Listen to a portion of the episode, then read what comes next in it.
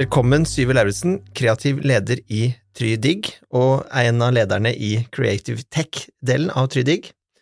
Kreativ teknologi, hva handler det egentlig om?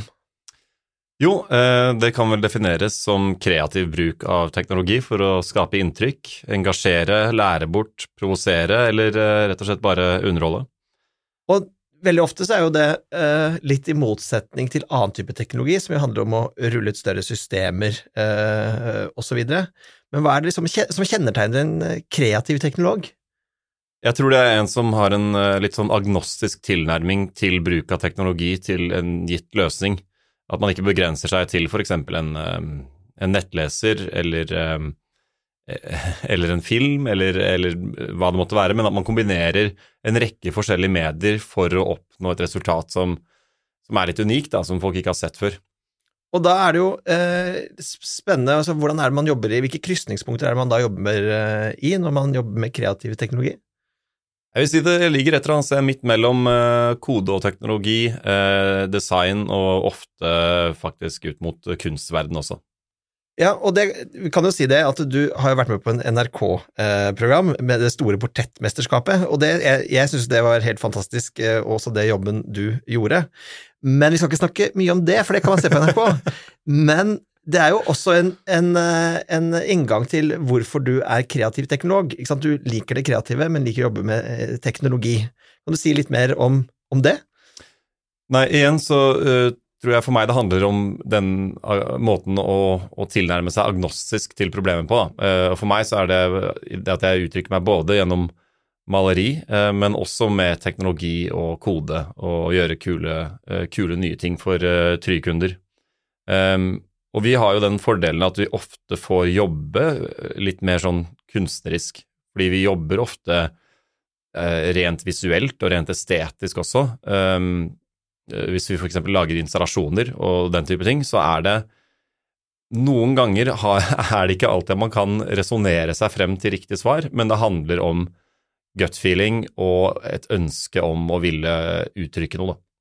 Men hvem er det som bør tenke at kreativ teknologi, eller en kreativ tilnærming til teknologi, egner seg for oss? Ja, jeg tror det er to forskjellige typer kunder. og er, Den ene er de som vil gi et uh, varig og sterkt inntrykk. Uh, og det er ofte det vi gjør i reklamekontekster og den slags. Men det er også for alle som har lyst til å pushe grensene for hva som er mulig teknologisk. Uh, vi liker veldig godt å skape nye innovasjoner i alt det vi jobber med. Og vi er til og med Flere av oss er jo nå publiserte forskere også, fordi vi av dette nybrottsarbeidet vi driver med. Men kan du gi meg eh, eksempler på type tjenester og produkter eh, dere typisk eh, jobber med eller er stolte av? Jeg tror det er en salig blanding. Eh, for offentlige kunder så er det nok ofte det som har med forskning og nybrottsarbeid å gjøre, og eh, research and development, som det kalles. Eksempel. Og, og, så, var det en, et eksempel, beklager, eh, som jo var på Forsvaret, for der gjorde et veldig spennende prosjekt som fikk jo internasjonal oppmerksomhet. Det stemmer. Der har vi laget et uh, nytt læringsprogram for uh, offiserutdanningen til Forsvarets høgskole. Uh, det er et program som handler om å bedre ruste offiserer til å beskytte sivile i konfliktsoner. Og i det programmet så har vi gjort en rekke innovasjoner innen dette med XR, da, som betyr da både VR og AR. Men, og det fikk jo en del internasjonal oppmerksomhet, og hele hensikten med dette opplegget var jo hvordan Forsvaret skulle opprettholde folkeretten i, overfor sivile i konfliktsituasjoner. Helt riktig, og en viktig del av det er, eh, er jo faktisk at de får en emosjonell tilknytning til stoffet tidlig i læringsprogrammet. Det har vi sett vil øke lærings, eh, læringsutbyttet, da.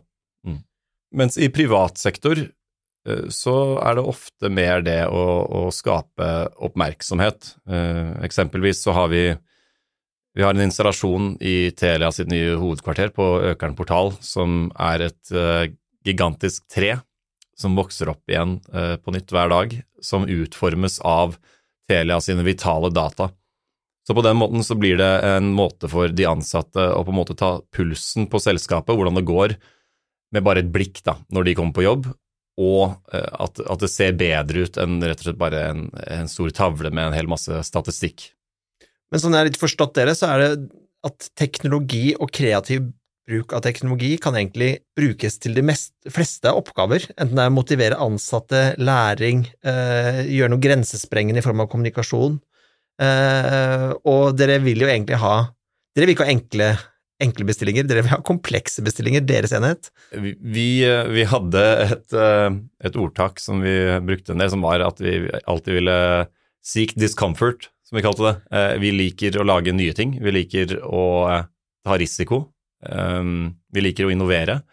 Og å, bruke kreativ teknologi er ikke bare for én type kunde, det er noe som kan berike all, nesten alle prosjekter, men eh, spesielt de som da vil, eh, vil komme med teknologiske innovasjoner. Tusen takk for at du kom, Syver Eilertsen. Selv takk. Hvis du vil lære mer om dette temaet, kan du enten gå inn på try.no, eller ta kontakt med fagpersonen du nettopp hørte. Kontaktinformasjon finner du i episodebeskrivelsen.